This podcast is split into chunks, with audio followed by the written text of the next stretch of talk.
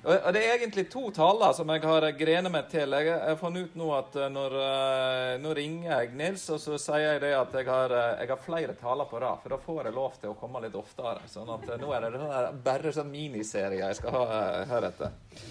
Men forhåpentligvis Jeg har ikke helt klarert det, men det blir en del to.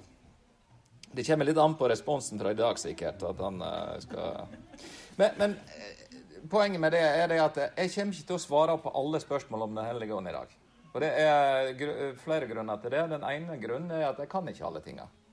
Men det er én ting jeg veit, og det er at det fins en Gud, og at det ikke er meg. Og jeg veit at det fins en Gud, og det er ikke deg. Og Det er en sånn grunnleggende ting. Så kan ikke du snu deg til naboen og si det fins en Gud, og det er ikke deg. Gjør det. Og, og, så trenger ikke du å komme med veldig mange argument fordi at det ikke for det, altså, Ikke slå folk ned i grøfta her, da. Men, men, det er litt sånn viktig, fordi at uh, i Efeserane uh, 2.10 der står det For vi er Hans verk, skapt i Kristus Jesus til gode gjerninger, som Gud har lagt ferdige for at vi skulle vandre i dem. Det betyr at du er ikke ditt verk. Og verk der kan bli oversatt til kunstverk. Du er ikke ditt eget kunstverk, men du er et kunstverk. Men du er Guds kunstverk. Og som mange gode kunstnere så, så jobber Gud på dette kunstverket sitt kontinuerlig. Og han er møysommelig og han tar tid. Han veit det at går jeg for fort her, fram her, så kan kunstverket bli ødelagt. Så Gud er veldig tålmodig med det kunstverket som du er. Og innimellom så er det veldig frustrerende for oss. Han har god tid. Og det er ikke alltid vi har. Det, Gud begynte før du var født. Bibelen sier det at han vevde deg sammen på skremmende underfullt vis i din mors mage. Og i Salme eh, 139, vers 12 og 18, så, så forteller han òg om hvordan han han jobber på dette kunstverket. I tillegg så kommer Bibelen med nesten urealistiske løfter om deg og livet ditt.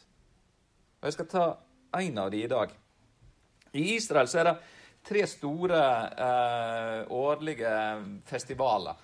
Den ene er løvhyttefesten. Den blir eh, feira på høsten. og Det er en sånn eh, innhøstnings- og takkefest for, eh, for innhøstningen av, av grøda.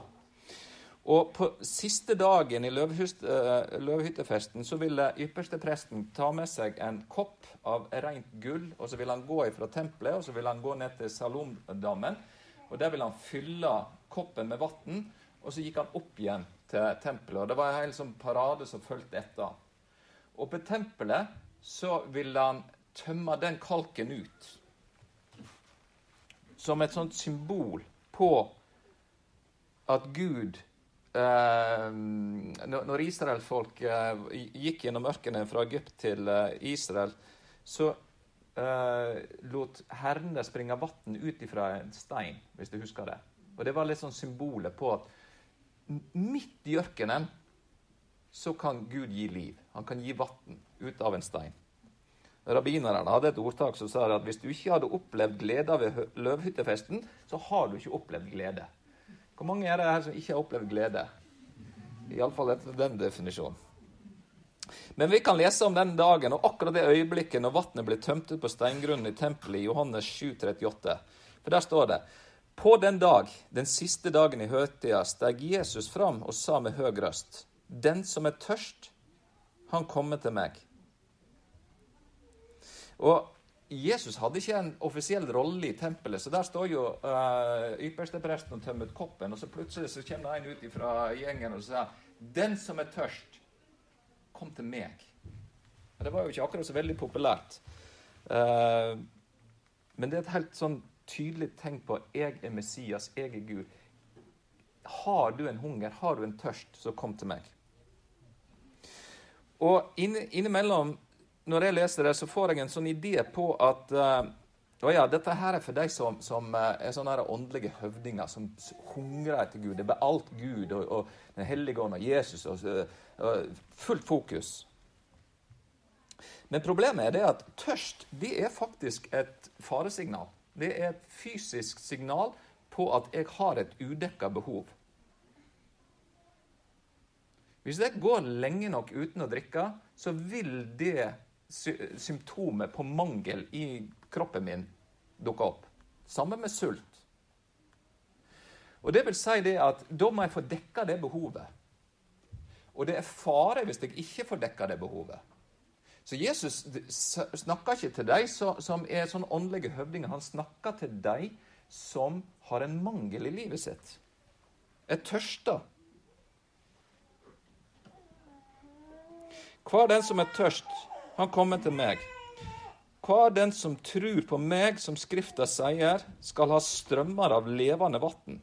Med det mente han ånden, som de som trodde på han skulle få. Og vi har alle et behov. Har, det, det, er få av oss her inne som har nådd potensialene våre. Vi er alle litt ulykkelige. Vi har alle mangler i livet vårt. Vi klager, vi sutrer. Vi, det, det er ikke sånn som det skal være.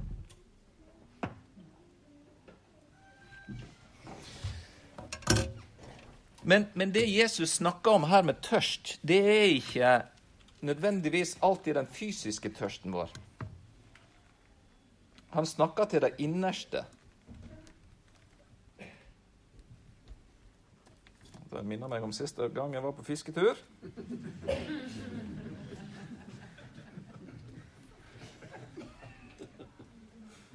Jeg skylder på Vidar. Ja, det går sikkert.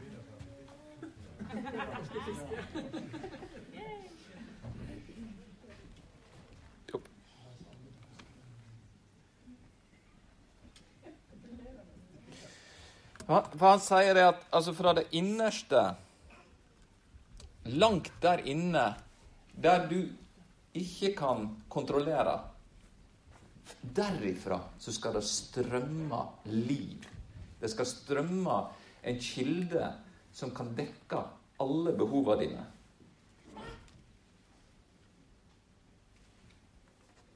Det skal strømme glede, håp, energi.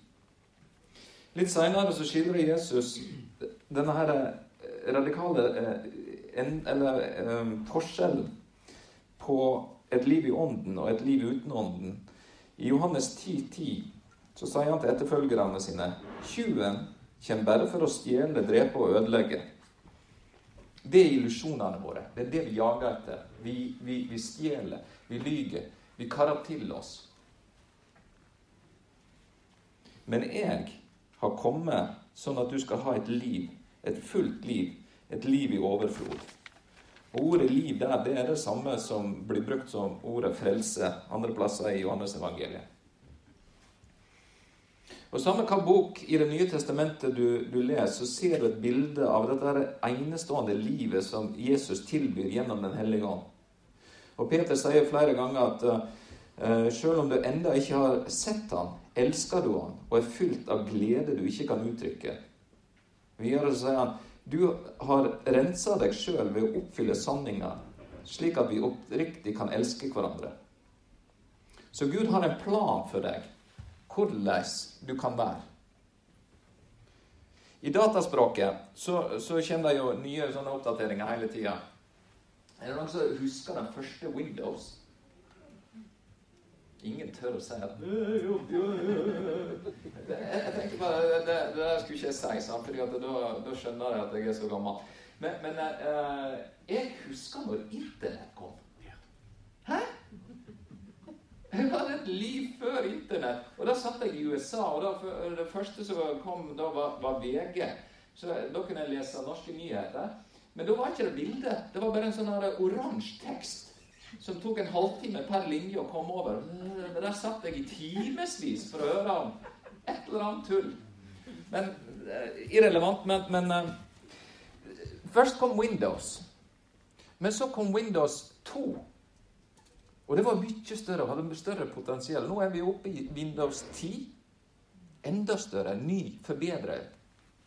Og sånn er det litt med meg òg. Akkurat nå så er det to versjoner av meg. Det er den Gud, nei, den meg som Gud hadde i planene da han skapte meg.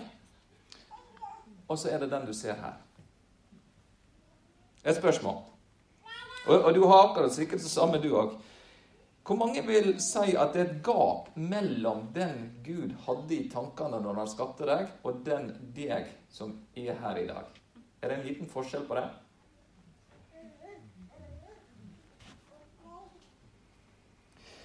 Og så er jo spørsmålet hvordan skal vi få lukka det gapet mellom den Gud hadde i tankene, og den som er her i dag? Kan vi greie å lukke det gapet med hardt arbeid, lese flere bøker, gå på flere møter, stå opp litt tidligere på morgenen for å be? Er det veien å gå? Det er ingen som vil svare ja på det, men min påstand er at det er det vi driver på med.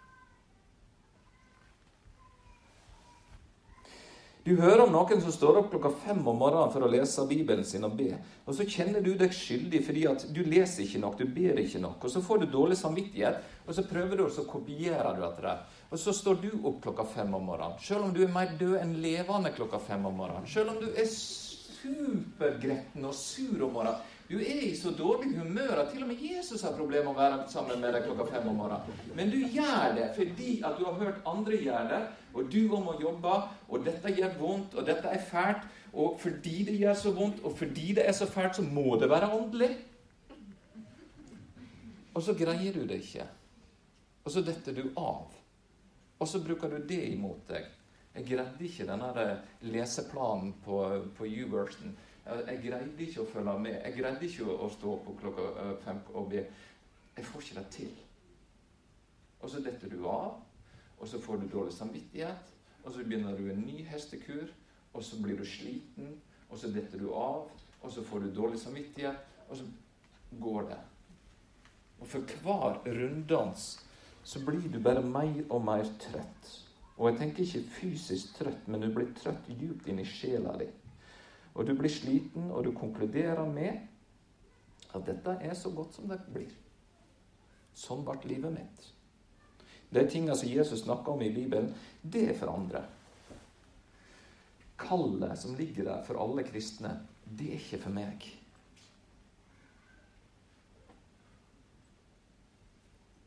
Du er ikke sterk nok, du er ikke motivert nok, du er ikke åndelig nok. Du kan være med og koke kirkekaffe. Men utenom det så har ikke du et åndelig liv. Du har bevist til deg sjøl at dette er ikke for deg. Når Bibelen sier at i, i, i, de siste dager så skal Gud utgyde sin ånd over alt kjød, så står det i din bibel 'utenom meg'. Jeg skjønner, jeg har hørt om det. Jeg ser andre få det til. Men jeg får ikke det til. Jeg er trøtt. Og så ser du gapet mellom den som eksisterer akkurat nå, og den som Gud hadde i tankene når han skapte deg. Det er så stort gap at du har ikke sjans å krysse det.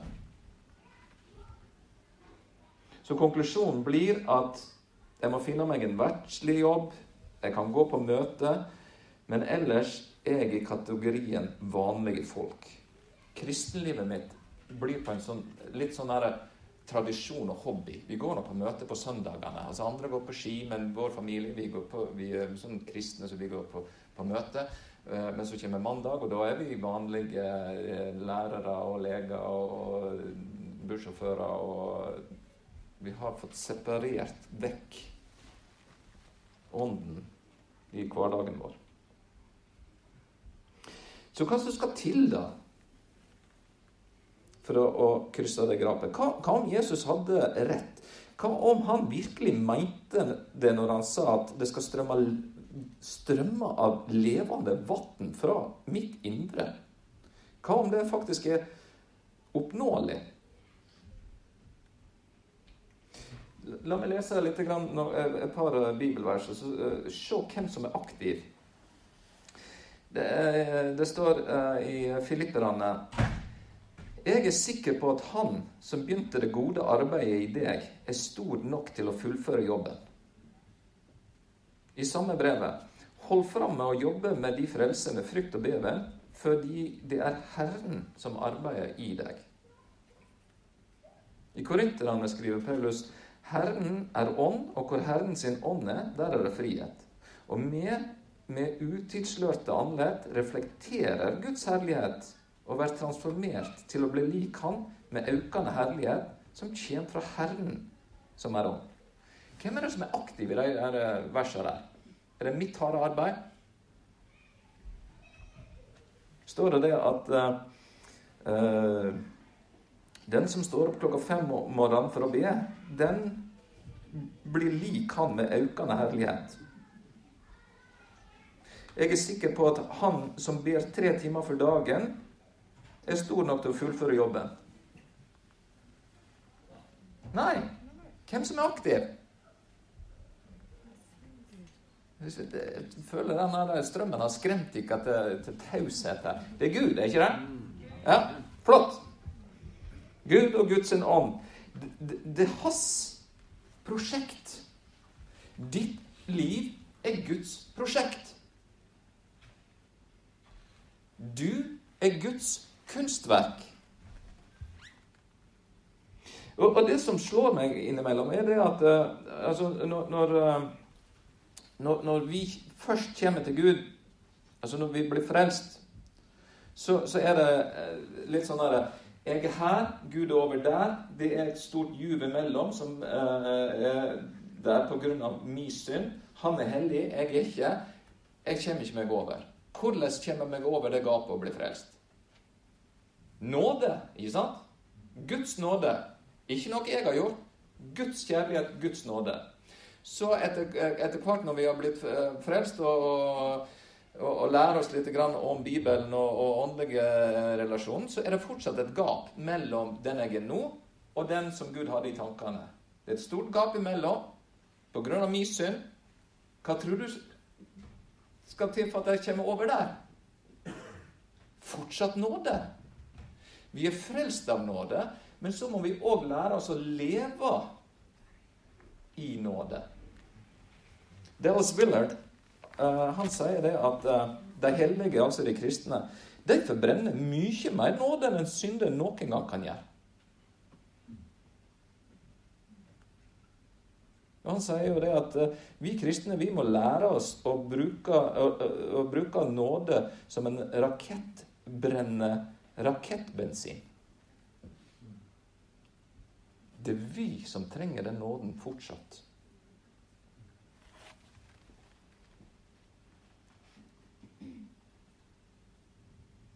Så kanskje kan det være en strøm av levende vann fra vårt indre. Bildet av ei elv eller en strøm det ble brukt 150 ganger i Nytestamentet, og det er nesten utelukkende brukt på bildet av et åndelig liv. Og det er en grunn for det. Fordi at Israel det er et ørkenland. Israel var én tørkeperiode vekke fra total katastrofe. De var avhengig av vannet. Når vannet kom, så fylte eh, bekkene og strømmene opp, og de fikk eh, vatna jorda si, og de fikk grøde. Når regnet uteble, så tørka dette opp. Og det var egentlig hungersnød i vente.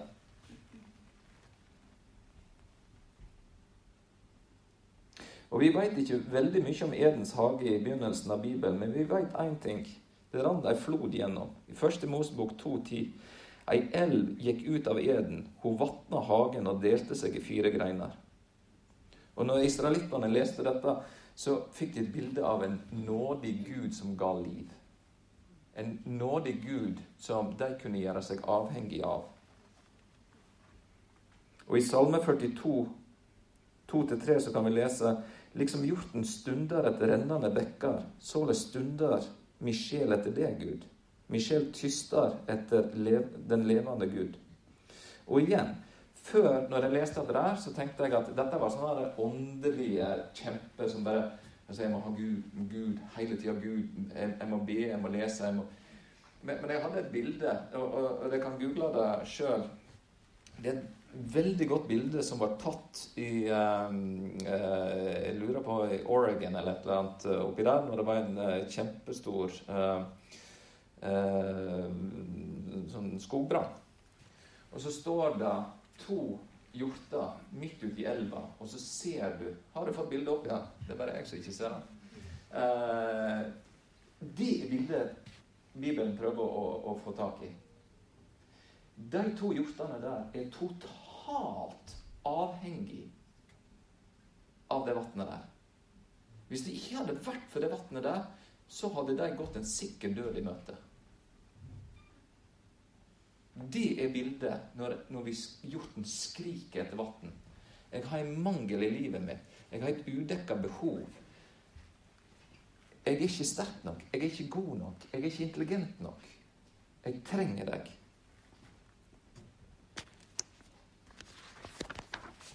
Får ikke jeg vannet, så dør jeg. Det er elv i starten av Bibelen, og det er òg ei elv i enden av Bibelen. I Johannes' åpenbaring 22, vers 1 og 2, så står det Engelen synte meg ei elv med livets vann, klar som krystall, renner ut fra trona åt Gud og lammet. Midt imellom bygata og elva står livets tre, fritt til begge sider. Det bærer frukt tolv ganger i året og gir sin frukt hver måned. Og løvet på trea er til lekedom for folka. I samme oversetninger så står det 'nasjoner' istedenfor folk der. Og Så fort israelittene hørte ordet tolv, så tenkte de på de tolv stammene av Israel. Altså Gud har omsorg for oss. Gud vil ta seg av oss. Det er sånn sidesprang. Far min er sånn eplebonde. Og så hadde han eh, en kompis som var lensmann. Han er død nå. Og så hadde han en kompis som var begravelsesagent. Og når de kom sammen, så sa han det at stakkar. Det, altså, når vi kommer til himmelen, det er jo ikke noe kriminalitet der. Du kommer til å bli totalt arbeidsledig. Og du, det er jo ikke noe død der. Men frykt ikke. Det kan komme og hjelpe meg å plukke eple. For treet mitt skal bære eple tolv måneder i året. Så han, var, han, ser, han ser fortsatt fram til å få lov til å Hvilket tre er det som bærer frukt tolv måneder i året? Det er jo ingen tre som gjør det. Så dette er et bilde på Guds rikhet og nåde og overflod. Og ikke nok med det, men løvet på treet det skal være til lekedom for nasjonene.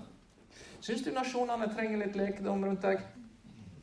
Ukraina, Afghanistan, Russland er det, er det land, nasjoner, folk som trenger Guds nåde? Hva om det at du skal bli fylt av Den hellige ånd, ikke i første rekke går ut på at du får gåsehud, men at du skal være med og bringe legedom til folk? Ikke nødvendigvis at du skal få en eller annen rar opplevelse, men at du driver faktisk på og leke folk rundt deg. Tror du folk på høgskolen trenger litt legedom? Tror du folk på arbeidsplassen din trenger litt legedom? Min påstand er jo det at du sannsynligvis har ganske mye av Den hellige ånd allerede.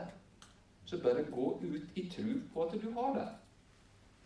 Du trenger ikke disse gåsehudopplevelsene når du får det. Du vet verdens godt det. Men Den hellige ånds hovedoppgave er ikke å gi oss gåsehud.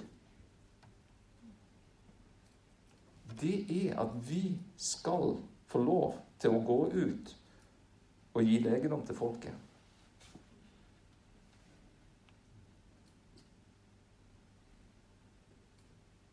Gjennom hele Bibelen, fra Edens hage til det nye Jerusalem, så renner det ei elv av overflod legedom. Og den renner i livet ditt òg.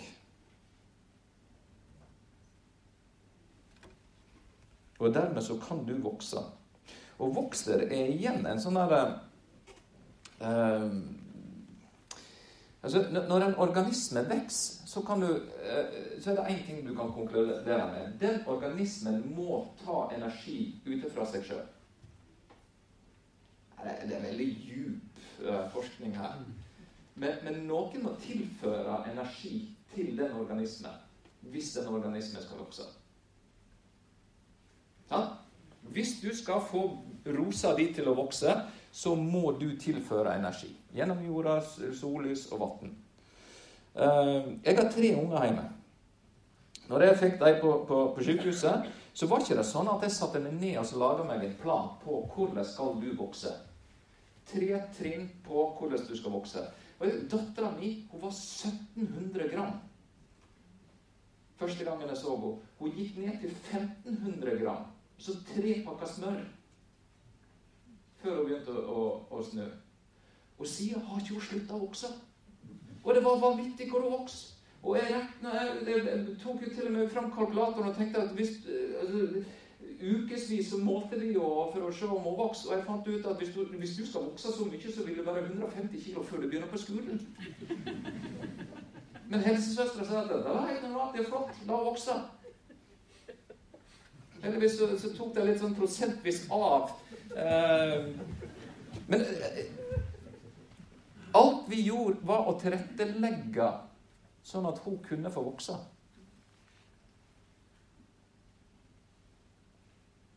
Så spørsmålet er jo ikke hvordan få en organisme til å vokse. Spørsmålet er vel kanskje mer hvordan kan vi ta vekk hindre som hemmer vekst.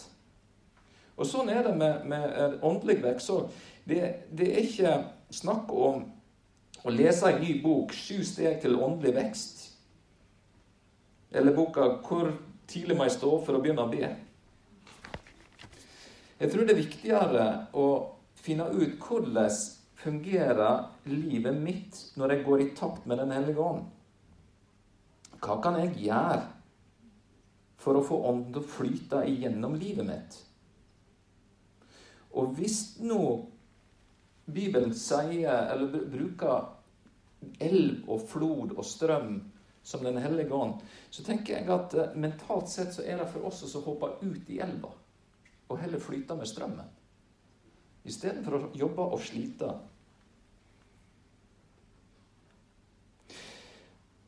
Og det er en prosess som krever kreativitet og utprøving. Fordi at det som fungerer for meg, fungerer kanskje ikke for deg.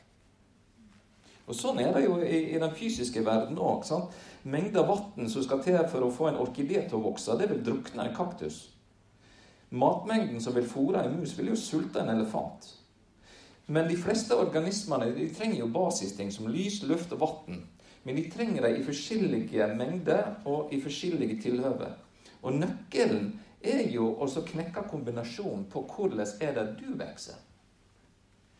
Og ikke prøve å kopiere alle andre. Lys, luft, vann for fysisk vekst, men, men eh, i, i, åndelig vekst så vet vi jo at uh, Sanninga fra Guds ord, det å ha et fellesskap med andre truende, det å bekjenne syndene våre, det å bryte brødet i lag og det å be, det er basiselementer. Men i hvilken kombinasjon og hvilken mengde du skal ha dem, de det må du prøve ut sjøl. Det må du bruke kreativitet, og du må få frihet til å teste ut hva er det som gjør at jeg vokser? Jeg kjenner noen som elsker å lese. De leser, og de leser gjennom Bibelen flere ganger i året. Og så kjenner jeg noen som greier ikke å konsentrere seg. Personlig er mitt store mål det er å prøve å komme meg gjennom Salmenes bok. Jeg har gjort det et par ganger, men jeg husker jo ingenting. For poesi, det er ikke meg. Og det er jo 150 av dem. Jeg begynner på så, så, det jeg har funnet ut nå fordi at eh, jeg, eh, jeg leser jo fram til, til sånn her uh, Salme 24 eller noe sånt, og så der bang. Nå har jeg begynt å uh, starte på 150 og så være tilbake. For de, altså, de har jeg jo knapt lest. Men fra 1 til 24 de, de kan jeg jo nesten utenat. Men jeg, jeg, har ikke konsentrasjon. Jeg får ikke det til. Men når vi er ferdig nå, så skal jeg hjem og måke snø. Og da går jeg med, med taler på øret. For det er sånn jeg lærer. Men det er ikke sikkert det er riktig for deg. Kanskje du skal lese. Hvis det hjelper deg å stå opp klokka fire på natta for å be, så for all del gjør det. Men hvis det ikke hjelper, så ha frihet til å ikke gjøre det. Ikke gjør det så vanskelig. Men teste ut. Hvordan virker jeg? I hvilken sesong i livet mitt er jeg? Hvis du har småunger hjemme, så er kanskje ikke det å sette vekkerklokka så veldig tidlig fordi at du skal da få be på morgenen, så veldig lurt. Iallfall ikke for resten av familiene. Sånn, hvor er jeg i livet? Og det er jo sånne ting som du kan ta opp i, eh, i smågrupper eller i småfellesskapet ditt. Hva er dine største kamper? Hva Hvilken fristelse er det som uh, du er svakest for? Hvordan er temperamentet ditt? Hvilken utrustning og gave har du?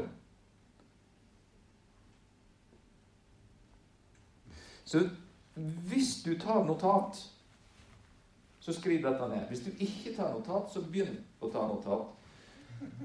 Åndelig vekst krever kreativitet, frihet og utprøving.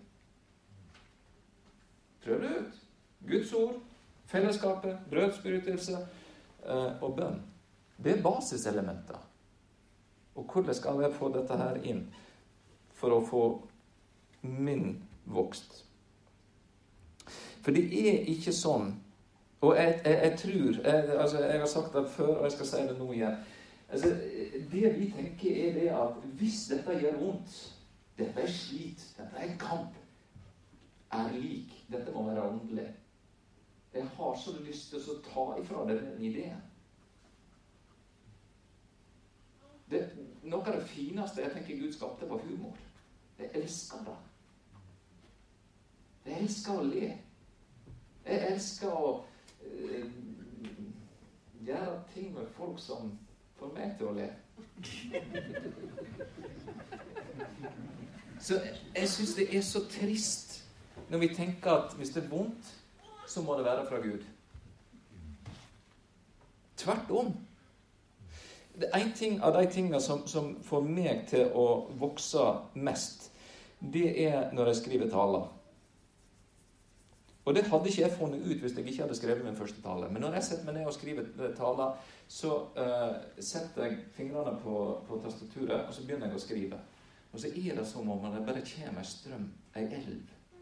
Og får, nå får jeg gåsehud nå når jeg bare prater om det.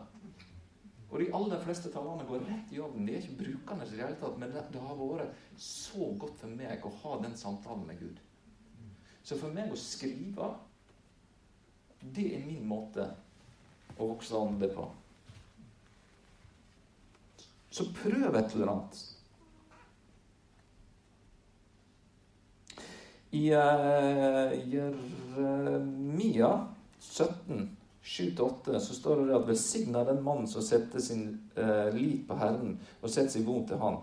Han er lik et tre som er planta med vann, som tøyer røttene bortåt en bekk. Så det er det som er min jobb. Jeg skal sende ut røttene mine. Han blir ikke redd når heten kommer, men står der med lauvet grønt. Det sturer ikke i tørketida, og heller ikke opp med å bære frukt. Min jobb er bare å passe på at jeg kobler på kilden. Og vinden kommer. Diagnoser, regninger, snøvær altså, Å ta prøver og blåse alle greiner og, og blad vekk. Men det gjør, gjør meg ingenting.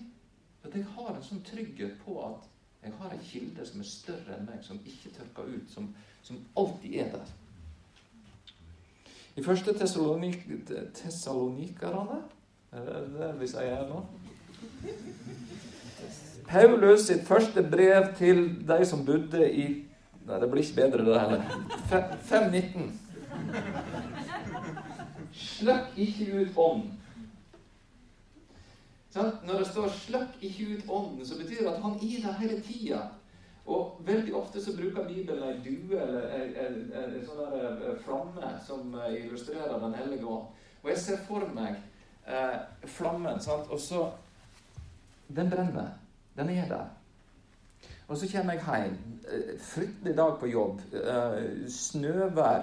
Og så kommer jeg ramlende inn døra, og der sitter en unge oppe i organisk boss og graver kaffegrut. Uh, og jeg snubler i en dørstokk, og tenker den dørstokken med Og så sier jeg Og så tar han meg. Jeg har bedt for den kona. Det har vært en velsignelse som du har gitt meg. Jeg har bedt for de ungene. Det er en velsignelse som du har gitt meg. Jeg har bedt for det huset som en velsignelse som du har gitt meg. Og så det ut. Jeg er kjent å gi hjemmelekser. Hjemmelekser de er ikke si Men når du har lyst til å si så tenk hva er det du prøver å si til meg, Jobber du mot tålmodighet, så er det åndens frukter. Jobber du mot noe annet som egentlig er godt for meg? Driver du herre på og jobber på et kunstverk som jeg ikke helt skjønner? Former du meg, Gud? Som jeg egentlig har bedt om ganske lenge? For 13 år siden så ba jeg om tålmodighet. Ni måneder etterpå fikk jeg tvillinger. Så det skjer meg aldri til å be om meg. Men, men du skjønner Den tålmodigheten, den former meg. Jeg er ikke mitt prosjekt. Gud er så mye mer opptatt av å forme meg til hans prosjekt. Og dermed så kan jeg gå i steg med ånden. Dermed kan jeg prøve å unngå å slukke ånden ut, men jeg kan heller være takknemlig.